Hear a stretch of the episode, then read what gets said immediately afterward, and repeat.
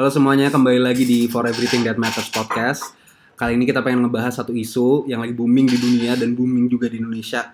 Itu apa? Itu virus corona. Eh, kita mau ngebahas dari the nature of corona itu tuh gimana sih? Dan penanganan pemerintah tuh udah tepat belum sih untuk virus ini? Eh, kali ini kita kedatangan dua narsum. Satu eh, wartawan yang experiencing first hand di pusat karantina di Pulau Natuna. Terus yang kedua ada dokter muda yang mau menjelaskan the nature of virus corona itu sendiri dan juga opininya dia tentang bagaimana pemerintah uh, menangani isu tersebut. Dan satu lagi, Apa? ada warga Depok juga. Oh iya, ada warga Depok ya di sini. Iya, karena ada orang Depok yang Orang pertama. Iya, walaupun itu harusnya dirahasiain ya. Oh, tapi iya. ternyata ada orang Depok yang dikasih tahu pertama kali experience kena corona gitu loh. Nah, dia sebagai yang tinggal di Depok panik nggak sih gitu loh. Ya, itu dia sekilas previewnya. Uh, stay tune for everything that matters.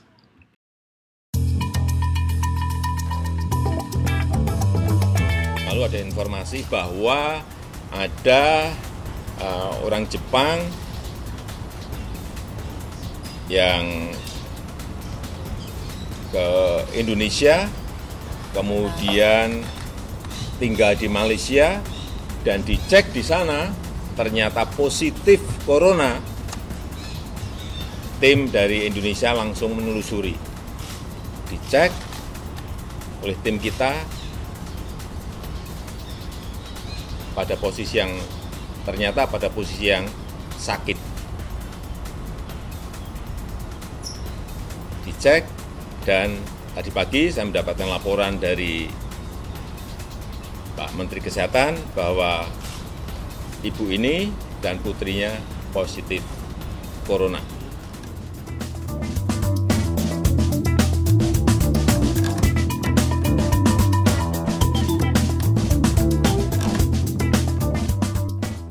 Jadi sebetulnya musuh terbesar kita saat ini adalah bukan virus itu sendiri, tapi rasa cemas, rasa panik, rasa ketakutan, dan berita-berita hoax serta rumor.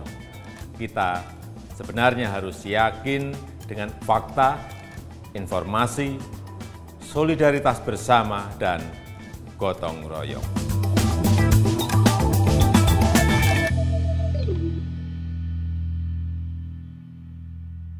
Udah. Iya, silakan. Ah ya, nama gue D. Iya. Jadi harus Anjir, Katanya nih nama iya katanya pendukung freedom of. Kok Nggak, pakai ini sih? Penting juga. Ah nama gue Dimas. Terus em, sebenarnya ada rada risih sih dibilang dokter muda. Oh, Karena kenapa? dokter muda itu artinya koas. Oh, Nah, aduh, sorry dari kemarin Ya ya. nggak apa-apa sih, santai aja. Sorry banget, sorry Iya, banget. wow, itu em, Ego dokter lah. jadi gue dokter baru. Oh, Jadi dokter kayak, baru ya. Oke, Gue oke. baru lulus jadi dok punya gelar dokter. baru disumpah. Iya, Ah. even gue belum belum internship, belum punya surat izin gitu. Oke, oke, oke. Tapi ya udah dokter gitu. Nah, iya. MD ya, udah MD. MD. Gue lulusan Trisakti. Dan sekarang gue punya narsum satu lagi, temen gue jurnalis yang emang selama ini punya experience khusus langsung dipilih sama kantornya Buset. untuk meliput secara eksklusif di tempatnya gila. gitu loh. Nah, boleh dikenalin namanya kalau boleh medianya juga disebut, kalau nggak boleh juga nggak apa-apa. Media kita bersama ya. sih. Silakan diperkenalkan. Ya, nama gue Reza. Satu kantor sama Osirio. ASL, umur 21. Terus, oh enggak ya? Ya, kira-kira kayak gitu lah. Nah, em, satu lagi nih, baru tadi gue di jalan, gue langsung ngambil satu orang, gue jauh-jauh ke Depok, gue langsung ngambil satu orang, lu mau nggak join podcast gue? ke Depok gitu. Gue ke Depok langsung, Anjir. tapi gue nggak pakai masker, gue nggak Oh, takut. Anjir. Gitu. Nah, gue langsung nyomot, silahkan dikenalin namanya siapa. Eh, terganggu nggak sih gue ajak nih untuk bicara soal soal penyakit yang sebenarnya munculnya di daerah lu nih pertama nih. Silakan. Bersalah nih daerah nih. Oke, eh, gue Akbar, eh, gue warga Depok, dari kecil gue di Depok, 23 tahun gue tinggal di Depok. Asli. Terus dari TK, SD, SMP, SMA, kuliah di Depok. Waduh. Iya. Penyakit yang paling selama ini paling bahaya nih selama 23 tahun ada nggak sih di Depok yang lo rasain dah? Ya corona itu. Selain itu ada. Apa ya? Belum ada sih kayaknya. HIV. Jadi ini pertama kali nih. pertama kali lah. Iya. Musik banget Depok ya. Gini loh, gini loh, gini loh. Musik banget. Depok, Kalau anjing. misalkan orang ada yang bilang kayak ah Depok apa sih gitu. Iya. Ini penyakit internasional cuy. Iya nggak sih? Pertama di Depok. Benar benar benar. Kayak trendsetter gitu loh walaupun negatif tapi nggak apa-apa kan. Anjing lu lampu merah lu aja lagunya wali kota lu Iya, anjing. ganti sekarang. Lampu merah cuma jadi back sound. Maksudnya himbauan dia aja. Iya anjing. Yang biasa lah main aman. Ini kesaksian langsung ya dari warga Depok nih. Jadi lu agak bangga dikit lah ya sama ini ya. Ya gimana? Emang kultur Depok seperti itu. Apalagi yang mau di Modus dibanggakan. Mendunia. gitu. Iya, mendunia aja. Kalau misalkan kayak kemarin tuh kan rame kobra gitu, ditangkap-tangkepin sih sama warga Depok di videoin, Hmm? disebar gitu kan. Ini ini yang meresahkan warga nih kobra. Gitu kan? Jadi bukan kabur ya? Iya, kalau corona kelihatan dikit nih. Nah, Udah pasti kayak ditangkap ini yang meresahkan warga. Walaupun virus ya? Iya. Gak takut lah gitu. Iya, iya, iya. Warga banget lagi santai gitu. warga sekitar resah nih sama kehadiran Anda gitu kan. Gila, kuat banget, solid, solid. Solid, solid, solid, solid. Salam buat warga Depok yang lain ya. ya, balik lagi ke topik. Sebenarnya ya itu sih. Sesimpel nih kita concern dengan virus corona ini.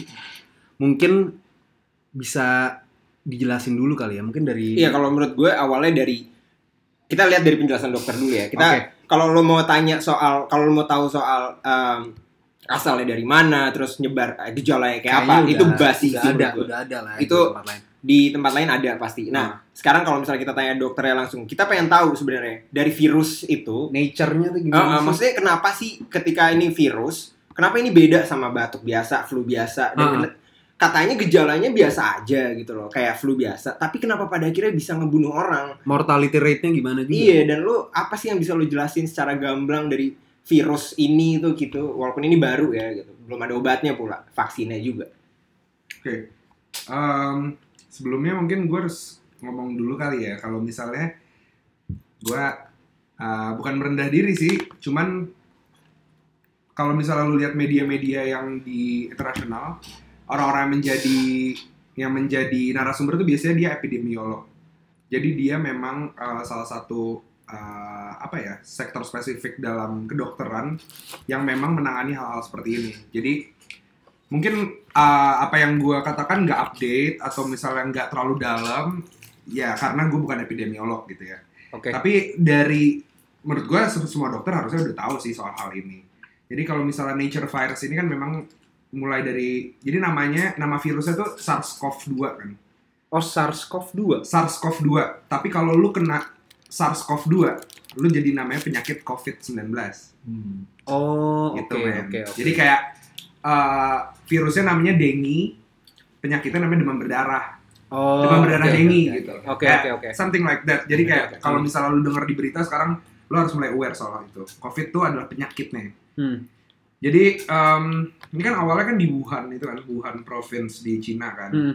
Uh, terus oke, gua ngomong dulu sumber gua. Sumber gua itu dari PDPI. PDPI itu Perhimpunan Dokter Paru Indonesia. Oke. Jadi mereka udah ngeluarin satu buku 60 halaman Iya. ngejelasin nih coronavirus atau uh, COVID-19 atau SARS-CoV-2 ini tuh apa. Hmm. Jadi uh, mungkin banyak dari akan dari sini sih karena gue diajarin juga untuk oh ya sumber lu mana gitu. Jadi uh, kalau lu tahu SARS, Oke. kalau lu tahu MERS, Ah, iya. ini tuh sama family-nya. Oke. Jadi family-nya itu dari itu dari um, severe acute respiratory syndrome. Ya, itulah SARS-CoV gitu. Oke, nah, oke. ini adalah jenis baru nih. Makanya awalnya novel corona- coronavirus.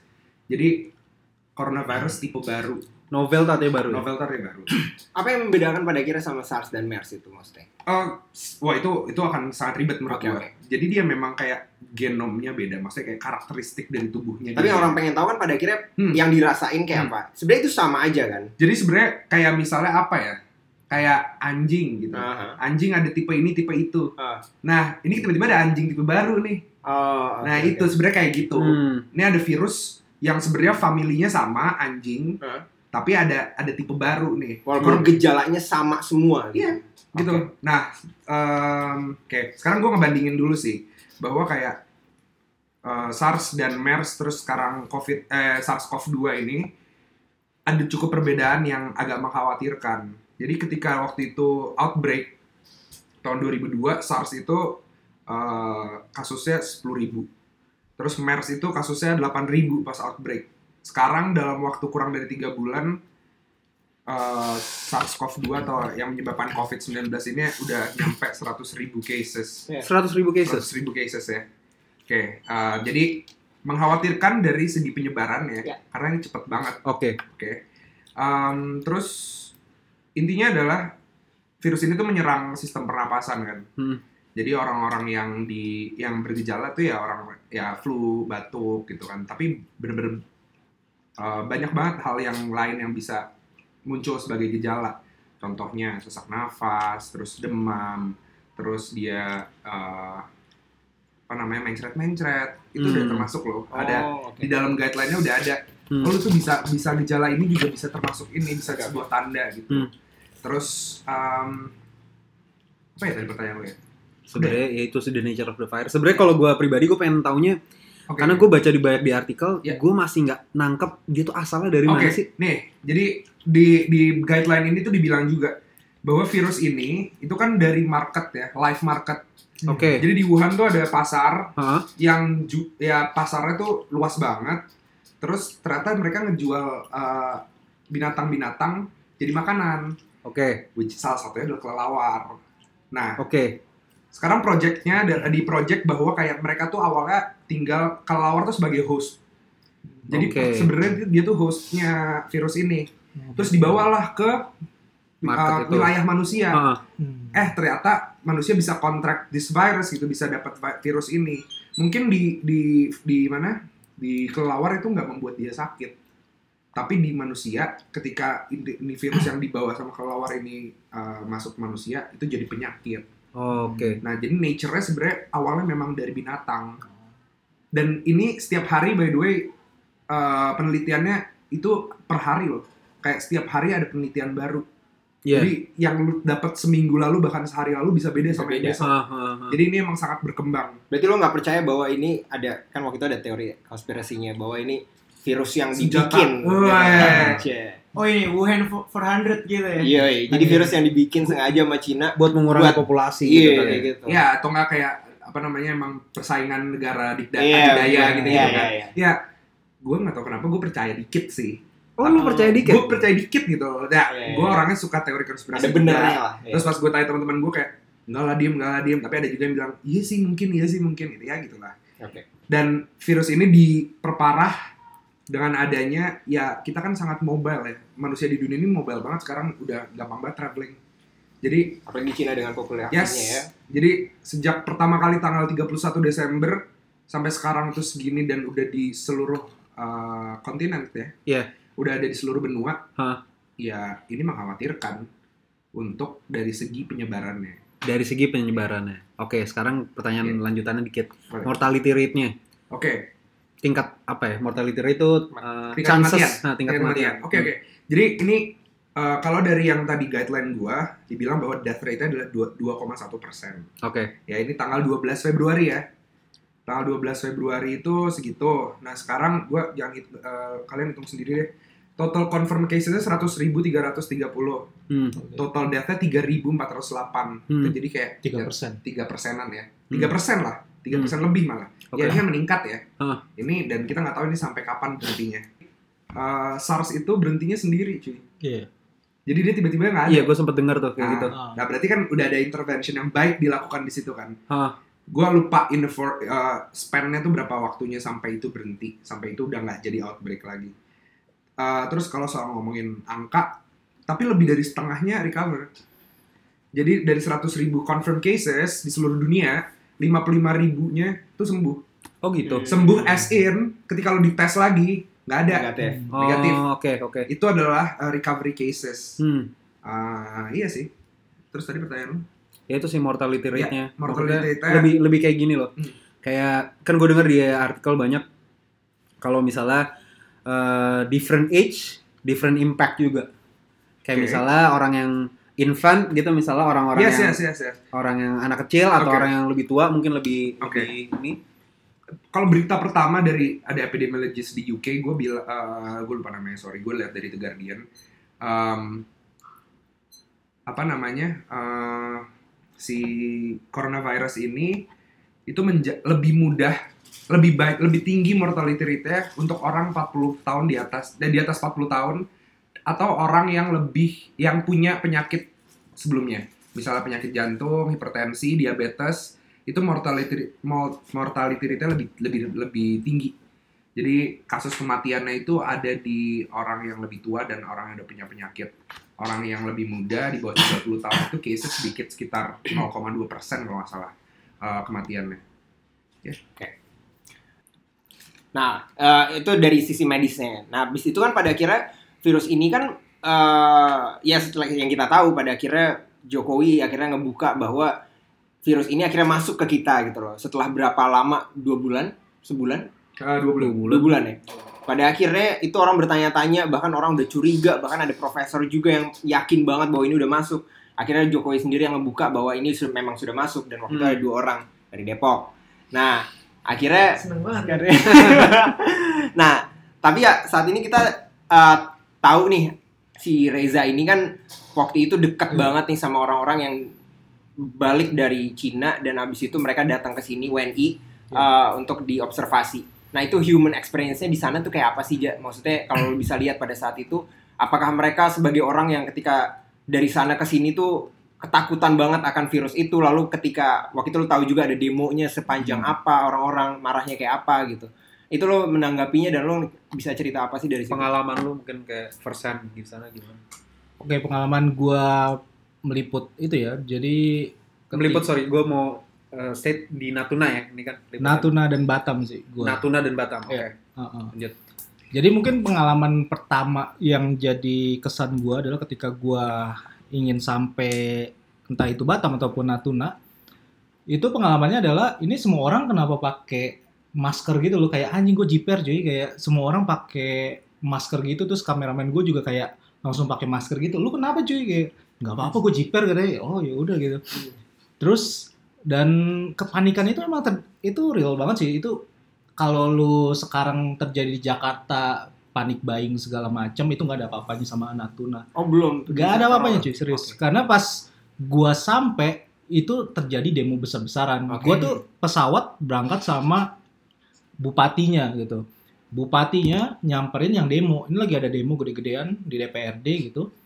Dan bupatinya langsung balik cuy. Karena di demo dilemparin segala macem langsung balik ke Jakarta buat ketemuin Jokowi gitu. Itu saking paniknya. Terus gambarannya lagi di sana tuh selain demo gede-gedean di sana tuh kayak toko-toko ketika Hamin H ketika hari H para warga itu sampai Hmm. Itu toko-toko tuh sepi pada tutup semua. Pada sepi nggak ada yang berani jualan. Terus banyak orang yang keluar dari pulau. Itu kayak misalnya kampung terdekatnya ya terdekat aja itu ada lebih dari eh, lebih dari 25 kepala keluarga lah yang keluar gitu. Dan beberapa ada yang dari keluar pulau gitu. Hmm. selain ngungsi. Terus juga sekolah di sana diliburin, Hmm. meskipun direvisi, cuman itu sempat diliburin begitu dan itu ya kepanikan yang terjadi di sana sih dan eh nggak bisa disalahin juga, maksudnya nggak bisa disalahin kan beberapa orang ataupun ya di media sosial ny- nyalahin bahwa "Oh, warga Natuna nih kagak solider nih sama Iya, no, Iya, iya. Iya kan? kita kan gitu kan. Kayak ini sesama lu, ini WNI lu nyet. Gitu.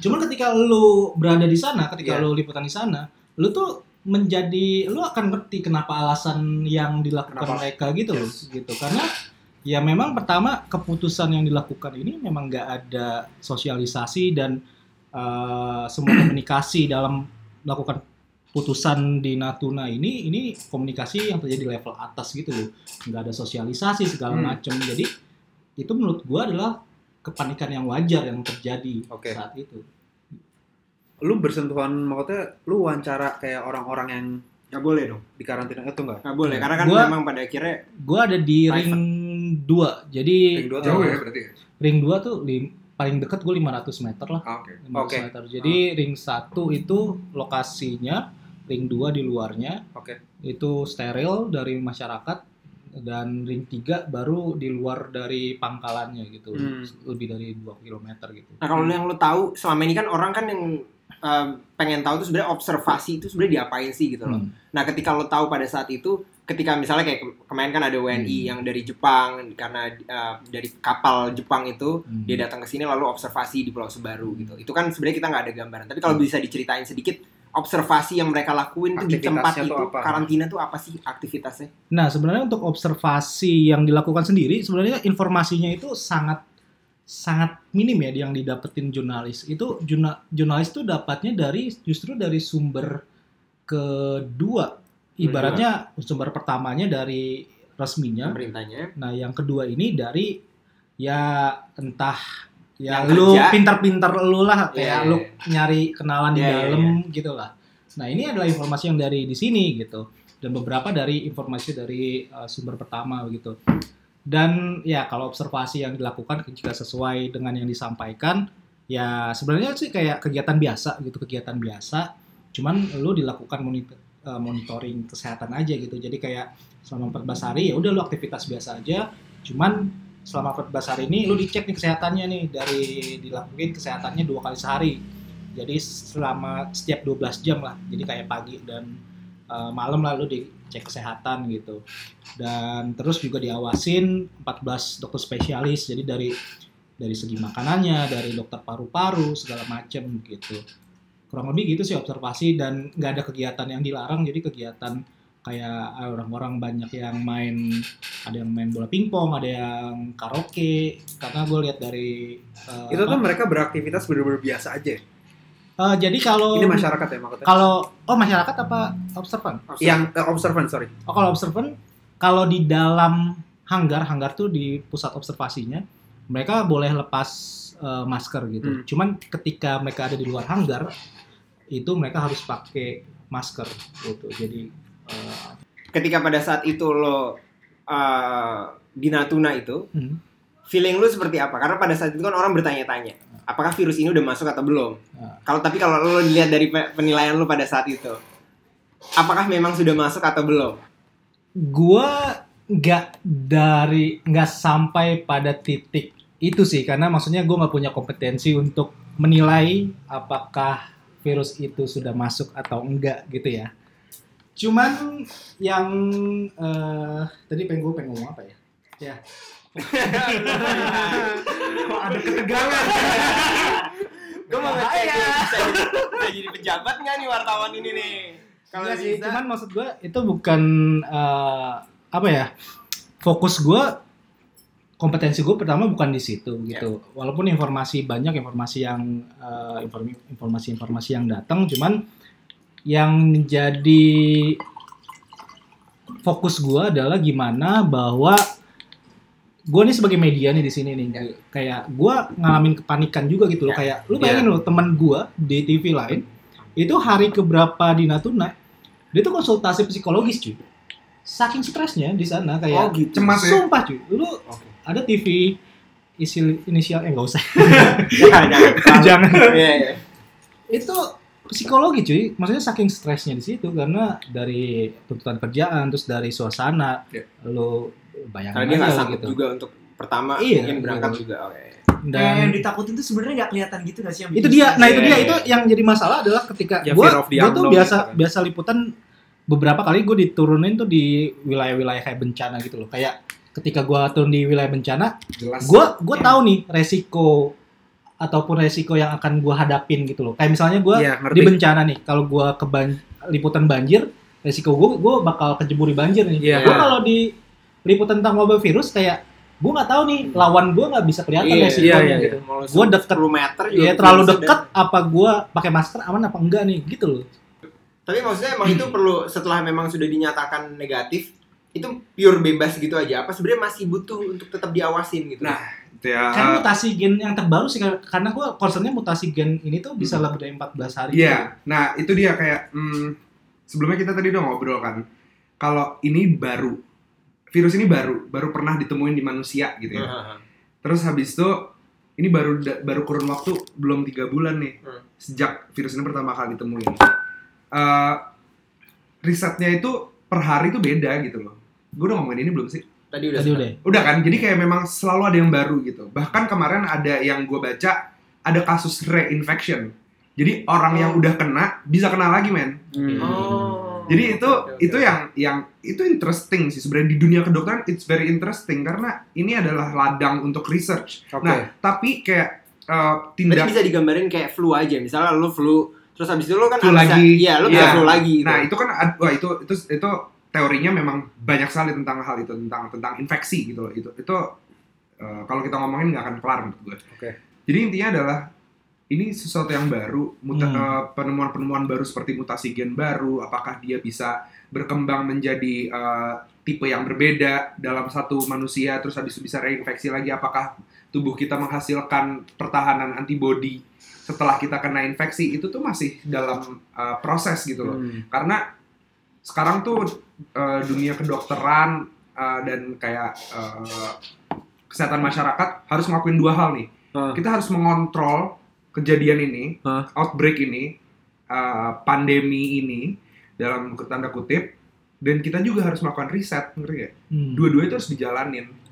Jadi Iya. dan dua-duanya harus harus kawin gitu loh Hmm. kalau lu mau bikin satu protokol terhadap uh, dengan ada landasan teori yang baru itu harus selalu diupdate supaya hal-hal kayak tadi misalnya eh ini gue dua minggu udah keluar gue beneran beneran negatif atau enggak sih nah itu kayak itu harus sesinkron itu dalam dalam menangani hal seperti ini ke sekarang kan Kemenkes ada hotline nih. Ya. Iya kan? Hmm.